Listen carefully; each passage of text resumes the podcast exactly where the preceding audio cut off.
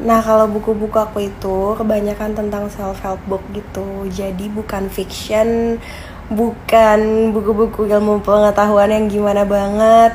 Soalnya kalau aku emang sukanya tuh kayak buku-buku yang bisa menginspirasi aku menginspirasi mood aku pikiran aku nge-refresh semuanya yang positif banget. Jadi ketika habis baca buku itu aku tuh rasanya enak dan bisa ngedapetin my inner peace. Karena menurut aku itu yang paling penting kan jadi kalau misalnya suka fiction nanti di skip aja. Karena aku bukunya bener-bener apa ya kayak banyak yang tentang psikologi tentang manusia tentang perasaan tentang gitu-gitu deh. Karena aku orangnya baperan gitu ya